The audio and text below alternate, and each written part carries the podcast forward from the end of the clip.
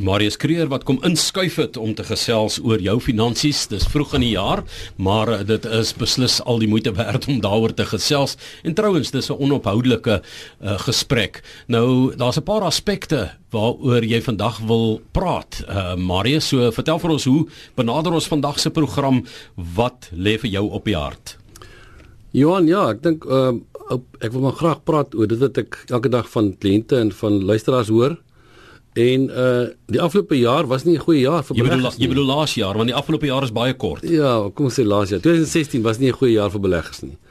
Uh aandele het baie swak gedoen. Die rand het versterk met 14%. Uh eiendom het swak gedoen plus minus 4%. Uh effek het vir so 8-9% gegee. Geldmark het so 6.5 gegee. So indien jy 'n gediversifiseerde portefeulje gehad het die afgelope jaar, het jy nie veel veel meer as so 4.5-5% opbrengs miskien gehad nie wat vir meeste veral uh, pensionaarsse baie onder druk plaas want hulle onttrek tussen 5 en 7% kapitaal van hulle belegging en hulle wil nog 'n bietjie kapitaal groei hê om hulle teen inflasie te beskerm en hulle het dit nie afgelope jaar gekry nie. En natuurlik ehm um, druk dit baie mense 'n bietjie in 'n drukgang en uh, mense raak baie keer bietjie paniekerig en soek na alternatiewe en as 'n mens bang raak dan is dit die natuurlikste ding is om na veilige hawe toe te hardloop. Uh en vir die meeste mense is 'n veilige hawe maar uh, geldmarkbelegging of 'n vaste deposito by die bank. En ehm um, ons sien dan ook nou deesdae baie van ons beleggers wat met ons praat en sê maar moet 'n mens nie daai roete gaan nie en jy, jy wil eintlik nou nie hierdie onsekerheid langer hanteer nie. Uh moet jy nie maar die geld onttrek en in 'n vaste deposito gaan sit nie en leef op die rente. En leef op die rente. Ehm um, en natuurlik as 'n mens dit gedoen het die afgelope maand of twee het jy dalk nogal goed gevoel want jy weet elke maand kry jy daarmee jou rentetjies en die die mark het maar nog onstuimig gebly so jy het gevoel jy die regte besluit gemaak. Hmm, maar voel jy daar is 'n tipe van 'n denkfout in so besluit as jy mens gaan kyk na 'n 'n langer tyd, miskien die strategie strategie wat jy moet benader? Ja, ek dink as 'n mens uh net teruggaan en sê maar die tyd toe jy 'n belegging gemaak het, het jy dit hoofsaaklik gemaak om inflasie te klop oor die langtermyn. En ehm um, ek het net al baie gepraat oor die die die belangrikheid van verspreiding van bates om nie alles in een mandjie te hê nie. So jy het heel moontlik in jou portefeulje het jy aandele en jy het eiendom en jy het effekte en jy het kontant en jy het buitelandse aandele en eiendom. Ehm um, en ewe skielik maak jy dan die besluit en sê maar jy gooi eintlik alles oorboord en jy gaan nou net in een mandjie sit. Ehm um, en as jy dan die sommetjie maak, dan kom jy agter maar na belasting klop jy nou nie meer inflasie by die bank nie. En jy gaan ook nou 'n klomp kapitaalwins betaal as jy hierdie belegging nou kom ons sê 5 of 6 jaar al gehad het want jy moet nou hierdie kapitaal skuif uit die bestaande belegging uit oor na geldmark toe. So eerstens moet jy die die pak vat van die kapitaalwinsbelasting wat jy gaan betaal en dan moet jy natuurlik uh besef dat al jou opbrengs is ewe skielik nou belasbaar want rente is ten volle belasbaar behalwe die vrystelling wat jy het per jaar. So uit daai oogpunt as 'n mens daarna kyk dan dan voel jy miskien in jou hart voel jy nou oor die kort termyn bietjie veiliger en jy slaap rustiger omdat jy weet daar's elke maand 'n bietjie rente by. Maar lanktermyn as jy eintlik kan jy eintlik redelik seker wees jy gaan dit nie maak nie. En dit is dis maar eintlik waaroor ek vandag wil praat omdat omdat mense nou in hierdie punt is en 'n mens verstaan dit want mense projekteer maklik slegte nuus. Uh met ander woorde as jy nou vir 'n jaar lank slegte nuus gehad het of vir 6 of 7 maande dan sê jou kop gewoonlik vir jou maar hierdie grafiek as hy nou onder te loop, hy gaan maar aan mekaar onder te loop tot hy by nul kom. En dit laat jou natuurlik nou bekommerd raak en dit laat jou bietjie paniekerig raak soms. Ehm um, en da vrees laat jy dan te keer mos maar moeilike verkeerde besluite maak. Jy speel met twee balle want jy kry rente van 'n vaste belegging, maar terselfdertyd is inflasie daar, die een moet die ander klop en soms lyk dit of dit beter doen as inflasie, maar dan is daar nog die belasting afgetrek nie. Ja, dis maar ek sê jy moet altyd maar kyk netto wat in jou sak kry en dit moet jy dan nou projekteer. Ehm um, die ander probleem wat jy teelik nou het is dat die persoon wat daai besluit maak om na 'n rente of 'n vaste deposito te gaan, hy weet hy wil eintlik weer terugkom na hierdie beleggings wat vir die afgelope 6 jaar inflasie geklop het. Maar hy gaan nie daai besluit maak en hy wil ook nie sê hy adviseer om die besluit maak voor hy nie heeltemal seker is dinge lyk nou beter nie. Uh wanneer lyk dinge beter? Jy weet gewoonlik as die as die mark eers weer 15 of 20% gegroei het, dan lyk dit vir hom nee, wat nou lyk dit weer goed. En dan het hy omtrent 2 of tydjie 3 jaar se rente uh, wat hy in die bank moet bysit om daai opbrengs te kry, het hy in 3 maande se tyd het hy dit verloor omdat hy nie in die mark was of of terug in sy beleggings uh, portefeulje hy gewees het nie.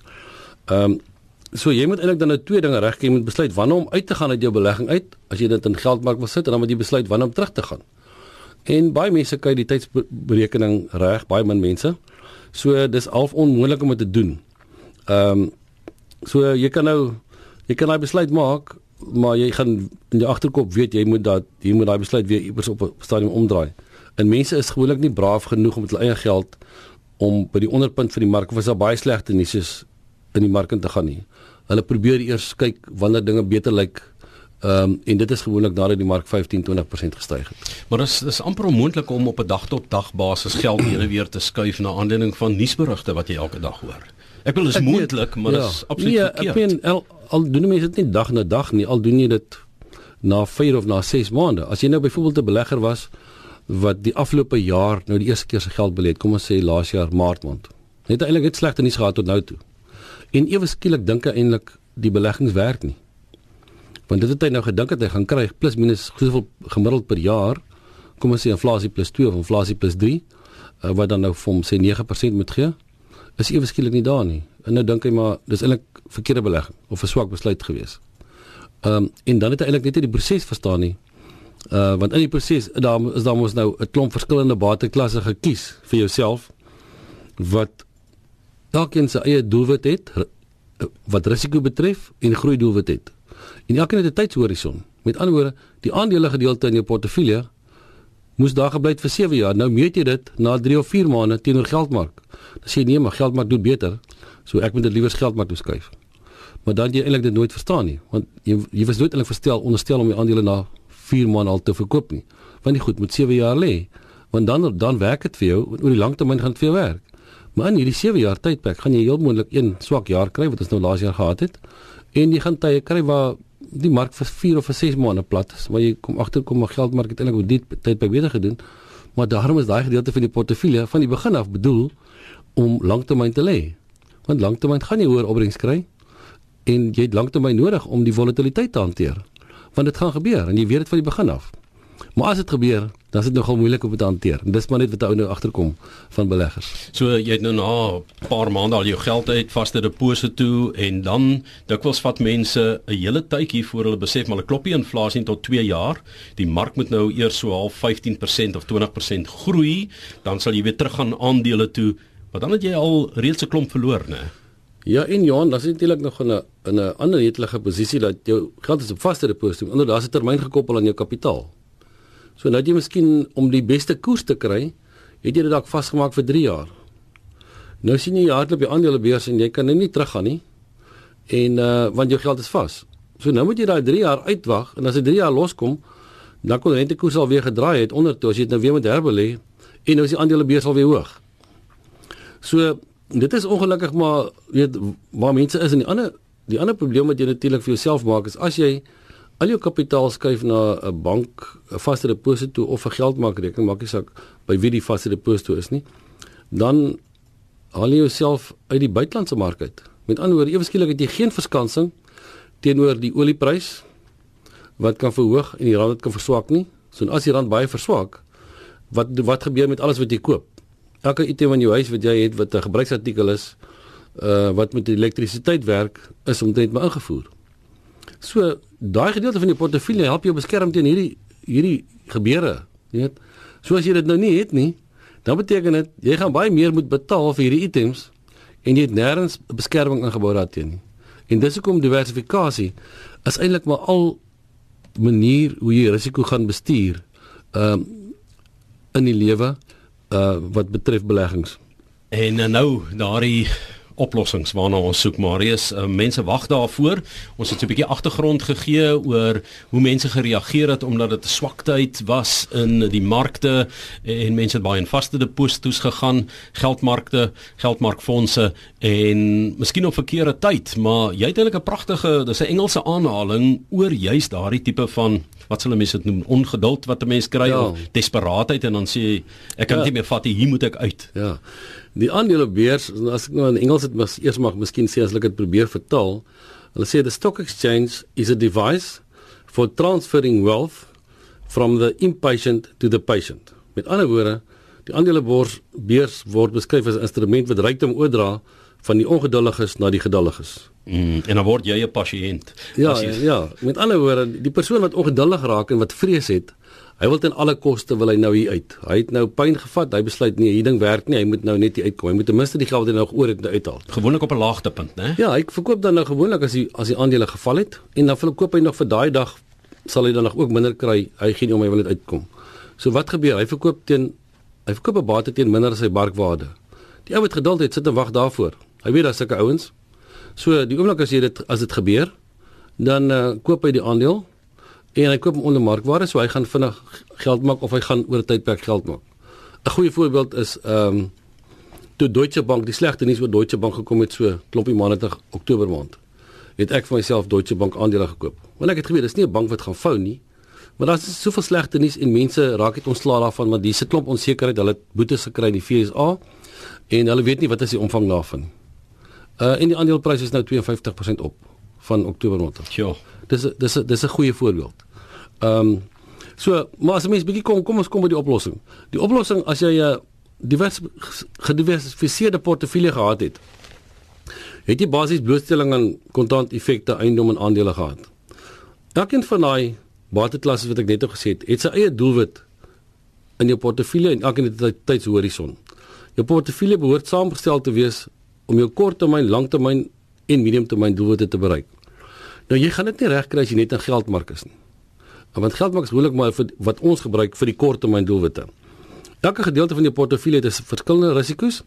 Indien jy dan besluit om om alles te onttrek en vaste deposito te belê, dan gaan jy gaan jy nie jou doelwit bereik nie. En vrees, gulsigheid en ongeduld is maar die grootste van die grootste grootste drie vernietigers van die welvaart. Met ander woorde, jy moet 'n gediversifiseerde portefeulje hê want dit is al wat jou gaan beskerm in tye van risiko. Dis wat jou risiko verlaag. Met ander woorde, as as jy na aandele kyk en jy kyk na effekte en jy kyk na eiendom en kontant, hulle is nie gekorreleer met mekaar nie. As aandele goed doen, doen effekte nie noodwendig goed nie. Ehm um, en en andersom. So as jy alles in jou portefeulje het, dan is jou kans eintlik die grootste om om hierdie storms te oorkom. Uh en as jy dan 'n langtermyn strategie ge, ge, gevolg het, moet nie jou strategie verander om daai hele portefeulje van jou te meet oor 3 of 4 of selfs 8 maande of 'n jaar nie. Uh besef daarvoor dat jy, jy het elke van elkeen van daai bateklasse wat daar lê, het sy spesifieke termyn en moet dit nie anders te meet as jy van die begin af weet aandele se termyn is plus minus 7 jaar. Uh effekte is plus minus 3 jaar. Eiendom is plus minus 5 jaar. Ehm um, en dit is dit wat jy moet doen. En mense wat vasgevang word in in wat om hulle aangaan en natuurlik wat hulle hoor en emosie. Dis ook die mense wat die foute maak om byvoorbeeld by Ponzi skemas in te gaan. Hulle kan nie meer hulle kan dit nie meer vat dat ander mense soveel geld maak om hulle nie en dan neem hulle daai besluit om ook maar deel te word van hierdie van hierdie uh, partytjie. En dit is gewoonlik ook gewoonlik op die laaste wat hulle inkom en dan realiseer. En daar's gewoonlik geen navorsing in hierdie besluit gewees nie. So ek dink dit as 'n mens hou by jou oorspronklike strategie wat wat vir jou opgestel is om te sê maar oor die langtermyn moet ek inflasie klop ehm um, dan gaan jy nie verkeerd gaan nie. Ehm um, en besef hoekom jy elke bateklas in jou in jou portefeulje het en as een swak doen, kan jy dit ondersoek, maar moenie besluit net omdat jy dit nie, nie appels met appels vergelyk nou die bateklas uit te gooi nie. Vrees, gulsigheid en ongeduld, dis daai drie grootste vernietigers van welvaart sê Marius vanoggend, maar kyk al was negatiewe tye in goeie tye. Ehm um, is dit so dat negatiewe tye dalk langer is as positiewe tye of voel dit baie keer ja. net dat as gevolg van daai vrees ja. en gulsigheid ja. goed dat dat negatiewe tye ja, langer voel. 'n Mens ervaar mos nou uh angstigheid of iets uh dit voel vir jou baie langer. Uh, ek gaan sommer nou 'n kort storieetjie vertel. Uh een van die vriendinne van ons het uh, met sy het gelewe met engtevrees en toe te laat was enig by sielkundige en die persoon het haar teruggevat en ehm um, of eintlik met haar gaan praat sê sy maar toe hulle by kom sê sy maar waar kom dit sy sê nee. Haar pa het eendag omdat sy stout was in 'n sak opgehang vir 'n halwe dag. Aarde in die boom. En dit was eintlik nie eens 'n minuut nie maar dit vir haar soos 'n halwe dag gevoel. Slegte slegte tye voel voel vir mens baie langer as goeie tye. 'n mens ervaar dit baie meer intens. Ehm um, en dit laat jou maklik makliker dwing om besluite te maak. As die aandelebeurs net opgaan opgaan dan niemand bel eers adviseer nie. Hy weet dit gaan goed, daar's nie probleme nie. Maar as as as die dinge nie goed lyk nie, dan is mense elke dag met hulle portefeuilles besig en elke dag dink hy moet hy nie verandering maak nie, moet moet dit nie gebeur nie, moet dat nie gebeur nie. Dis maar net hoe 'n mens ingestel is. Ja, maar kyk, hulle sê dit reën katte en honde, maar julle ouens in die finansiële wêreld sê dit dit reën bulle en beere. Ja, so dit is maar die ook die twee kom ons sê simbole waarna mens moet kyk, né? Ja, die bilmark, as jy na die geskiedenis kyk die afgelope 200 jaar, hou bilmarkte baie langer as beermarkte. En wat my baie keer nogal bietjie vang as iemand jou bel en sê maar hy het 'n gevoel dat die aandelebeurs gaan hierdie jaar goed doen nie omdat die ekonomie nie goed goed doen nie. Nou die ekonomie is nie direk gekoppel of gekorreleer met die aandelebeurs nie. Op 'n stadium met die Chinese ekonomie gegroei met 40 14% en hulle aandelebeurs het geval met 40%. Uh dis nie dis nie gekorreleer nie. Ehm uh, mense koop in beleen maatskappye, maatskappye doen goed plaaslik en in die buiteland. As die maatskappy goeie wins maak, gaan sy aandeleprys gewoonlik op. Wat is die tydshorison net weer eens waarna mens moet kyk met met aandele? Aandele moet mense sê, weet jy, jy moet ten minste jy moet na 7 jaar kyk, maar jy kan nie voor voor 5 jaar dit regte meet regtig meet nie. Ons het byvoorbeeld 'n model waar ons uh, fondsbestuurders meet. Party fondsbestuurders uh, bestuur aandele, party bestuur kontant geldmark instrumente, party effekte en party eiendom. Nou ons kan nie 'n fondsbestuurder meet of uitgooi ons portefeulje omdat hy vir 'n kwartaal of twee kwartaal negatief was nie. As hy nie vir 'n jaar of twee swak presteer nie, kan ons nie sê reg sê hy's 'n swak presteerder nie. Want baie keer koop hy net 'n aandeel wat baie goedkoop is en hy bly nog dalk 'n tydjie goedkoper langer, maar oor die lang termyn maak die ou vir jou baie geld want jy weet jy het 7 jaar tyd met daai gedeelte van jou portefeulje. En as 'n mens nou 'n vergelyking tref van daardie tydperk omtrent teenoor sê nou die geldmark of dan 'n uh, 'n uh, depositorekening waarin jou geld lê? Ja, dit is tipies geld wat jy vir die volgende jaar gaan nodig hê. As jy weet jy het geld binne 'n jaar of eintlik 2 jaar nodig, moet jy geen risiko daarmee neem nie. As jy wil aandele gebruik om oor die kort termyn geld te maak, dan is jy spekulant. Dit moet jy besef. Jy moenie dink jy gaan aandele koop en oor volgende 3 of 6 maande geld maak nie. Uh dan moet jy weet jy koop jy is 'n spekulant. En as jy dit gedoen het, dan moet jy dink jy's baie slim nie. Uh al wat jy met aandele geld maak is as jy aandele koop wat onderwaardeer is en die besluit om dit oor die langtermyn te hou. Partykeer groei dit soos ek gesê het met Duitse Bank. Gebeur dit binne 'n paar maande dan dan net jy baie goeie wins gemaak. Maar die bedoeling was nooit om te spekuleer aan. Die bedoeling is die ding is onderwaardeer en daarom gaan jy oor die langer termyn gaan jy goeie wins realiseer. En ek dink dit as mense nie daai beginsels kan handhaaf in hulle portefeuilles gaan hulle baie minder pyn vat want die oomblik as mense begin rondspring uh dan hou dit nie op nie want as geld maak ook nie meer goed is nie, dan gaan jy iets anders probeer en nou nou as jy by 'n ou wat vir jou ongelooflike opbrengs gewaarborg beloof en dis waar mense gewoonlik seer kry. So ehm um, jou finale raad aan mense vandag. As jy 'n gediversifiseerde portefeulje het wat bestaan uit aandele, effekte, eiendom, kontant en maak seker daar's ook genoeg buitelandse blootstelling, hou daarby. Moet dit nie nou verander nie, moenie nou uitspring uit die mark uit nie. Uh ons het 'n klomp aandele in ons portefeulje en ek dink in Suid-Afrika wat onderwaardeer is wat ek dink baie goeie potensiaal het op die oomblik.